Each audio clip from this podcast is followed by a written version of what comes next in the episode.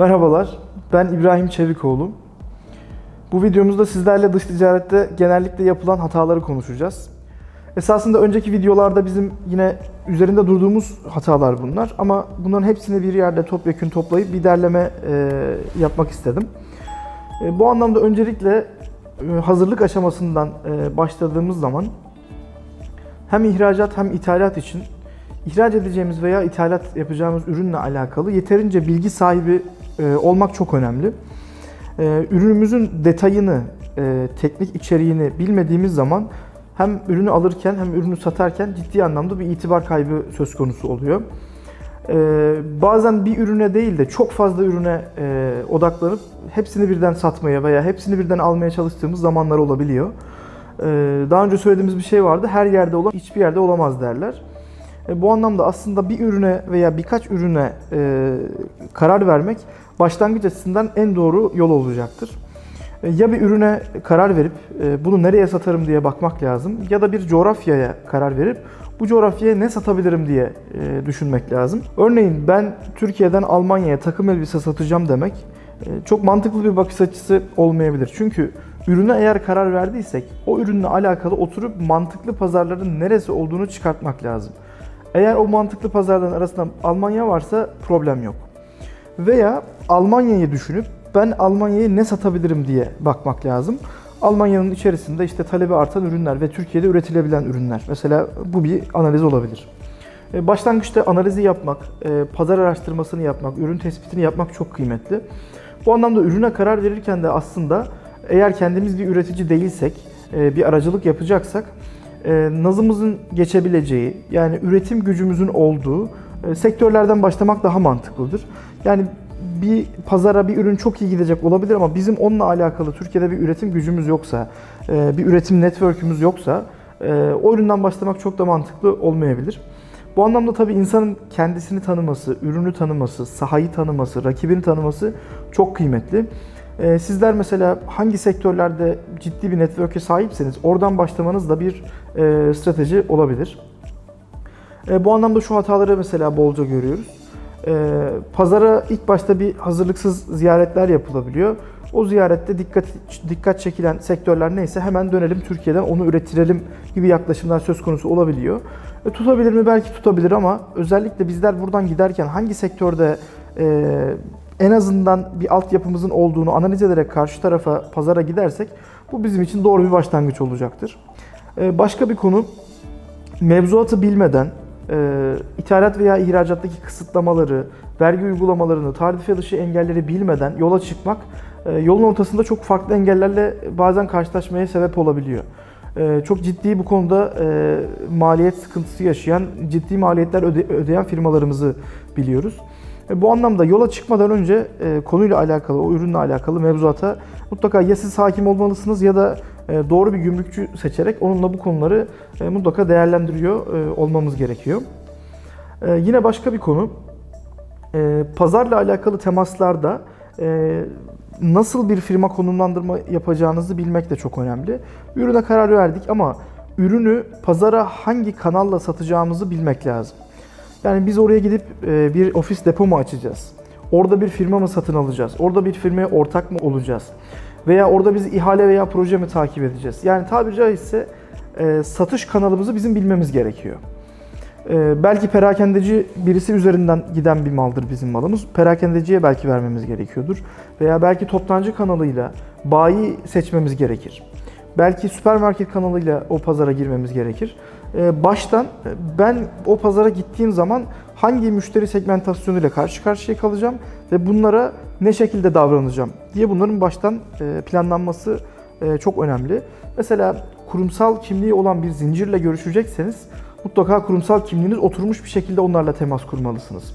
E, çok böyle tez canlı davranıp da ilk başta onlarla temasa geçmek doğru bir adım olmayacaktır. Belki ilk başta mesela toptancılarla çok kurumsal kimliğin önemli olmadığı, daha çok böyle ikili ilişkilerin önemli olduğu müşterilerle daha böyle daha bir caizse el yordamı yöntemlerle temas kurmak belki kolay bir başlangıç olabilir. E, bu anlamda müşteri segmentasyonuna göre bir e, tutundurma faaliyeti veya buna göre bir e, iletişim tekniği seçmek çok daha faydalı olacaktır diye düşünüyorum. E, personel konusu çok önemli. Personel konusunda genellikle işte akrabalar tercih edilebiliyor. Yani yabancı dil bilen bir yerde üniversite öğrencisi olan bir akrabamızı bu anlamda mesela belki istihdam etmek isteyebiliyoruz. Hem ucuz iş gücü olarak hem de işte yabancı birisi olmadığı için onu tercih etmek yönünde bir tavır takınabiliyoruz. Bunun yerine açıkçası konuyla alakalı uzmanlığı olan bir miktar tecrübesi olan birisini seçmek, özellikle pazarlamayla alakalı konularda Operasyon kısmı da değerlidir. Yani evrak süreçleri de değerlidir ama e, açıkçası pazarlama kısmında daha böyle e, kumaşı, karakteri, pazarlamaya müsait bir e, personel tercihi çok çok daha kıymetli gerçekten. Yani elinizde çok değerli bir veri var. Karşınızdaki kişi gerçek bir alıcı ama pazarlama personelinin yapmış olduğu hatalardan dolayı ticaret sonlanabilir. Bu anlamda hani ucuz personel istihdamı yerine gerçekten doğru personel istihdamı gerçekten kritik. Bu anlamda bazen şu da yapılabiliyor. E, bir uluslararası öğrenci yani mesela Fransızca için örnek veriyorum e, Afrikalı bir öğrenci Türkiye'de okuyan onu mesela istihdam etme yönüne gidilebiliyor. Güzel bir şey tabii ki ama dediğim gibi pazarlamaya müsait olmayan bir kişiyi sadece dil biliyor diye oraya oturtmak firmamız adına bazen gerçekten ölümcül hatalar yaptırtabiliyor. Ee, diğer bir konu firmamızın eğer e, üretim altyapısı müsait değilse ihracat için e, başlarken çok da aceleci davranmamak lazım. Yani esasında şunu demek istiyoruz. Eğer kapasitemiz ihracattan gelecek bir e, siparişi üretmeye müsait değilse, gelecek bir siparişi eğer termin olarak geciktireceksek, söz verdiğimiz süreçlerde yapamayacaksak, ihracatın ilk başta hayalini kurmamak gerekiyor. Kapasite yatırımını yaptıktan sonra bunun hayalini kurmak lazım. Çünkü bunları bunlarla çok karşılaştık gerçekten. Abi ihracat yeter ki sipariş gelsin de biz her türlü üretiriz gibi yaklaşımlarla karşılaşabiliyoruz. E, bu gerçekten hani o müşteriyle ilk temas kurulmasa daha iyi. Belki 3 ay sonra kurulsa daha iyi olabiliyor gerçekten. E, bu anlamda kapasitemizi doğru bir şekilde ölçmek gerekiyor. E, eğer ürünümüz sertifika e, gerektiren bir ürünse ki birçok ürün artık bu şekilde pazara göre de çok ciddi değişen bir konu bu. Ee, özellikle mesela Avrupa pazarında, Batı'da e, ürünlerle alakalı ciddi standartlar e, bekleniyor. Eğer standartlarımız hazır değilse, abi müşteriyi bir şekilde bulalım, e, gerisini ayarlarız, gerisini işte hallederiz diye düşünmemek lazım. Müşteri zaten ilk temasta diyor ki şu şu belgeleriniz var mı? Yani bu belgeler eğer yoksa yola çıkmak belki biraz erken olabilir. Farklı bir konu bölgelere özel fiyatlandırma stratejisi e, ve pazarlama stratejisi çalışmak gerekiyor. Yani şöyle e, iyi bir fiyat çalışılmadıysa abi ben geçtiğimiz hafta Balkanlara şu fiyattan bu ürünü sattım. Şimdi Afrika'dan bir ürün isteniyor. Buraya da aynı fiyatı veriyorum. E, bazen o fiyat yüksek gelebilir, bazen düşük gelebilir. Bazen muhtemel bir kardan olabilirsiniz. Bazen de muhtemel yüksek fiyat kaldığı için muhtemel bir müşteriden olabilirsiniz.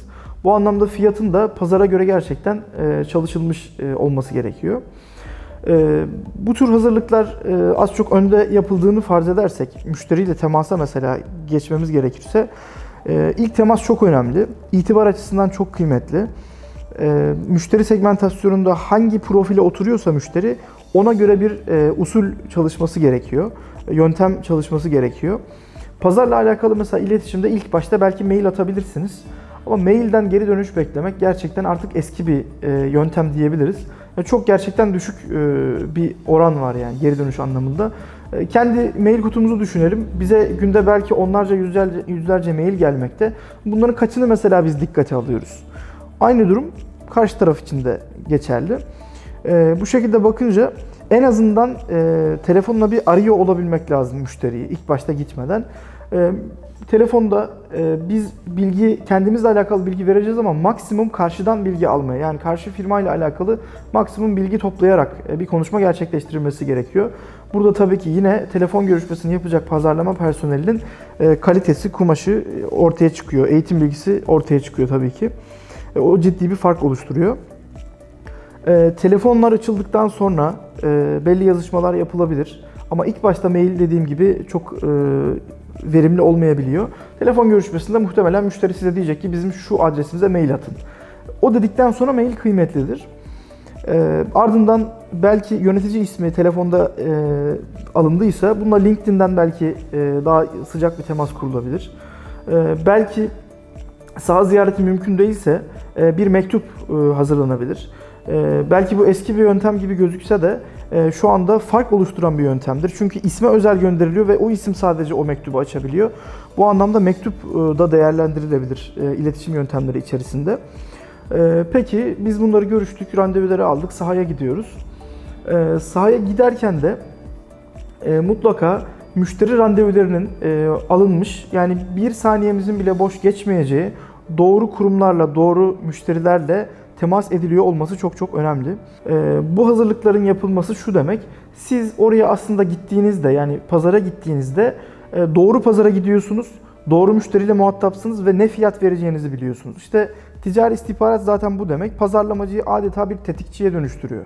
Yani bir nokta atışı yapıp adeta biz imza atmaya gidip ondan sonra sözleşmemizi imzalayıp geri geliyor olmamız gerekiyor. Eğer bunlar yapılmadığı zaman e, sahaya gittiğimizde abi gittik 10 firmayı ziyaret ettik birisinden iş çıktı gibi şeyler olabiliyor. Bunların işte hepsinin e, hemen hemen ortak çözümü yeni nesil ticari istihbarat yöntemlerini daha çok kullanıyor olmaktan geçiyor. Bu videomuzda bahsettiğimiz hatalarla alakalı birçok detay vermiş olduk. Ee, esasında konuşacak olursak yani birçok e, hatayı konuşmak mümkün. Belki saatler alacaktır bu. Bu videoyu çok fazla uzun tutmamak anlamında burada sonlandırıyorum. Ee, bir sonraki videoda yine dış ticarette yapılan hatalarla alakalı devam ederek konuşuyor olacağız. İzlediğiniz için teşekkür ederim.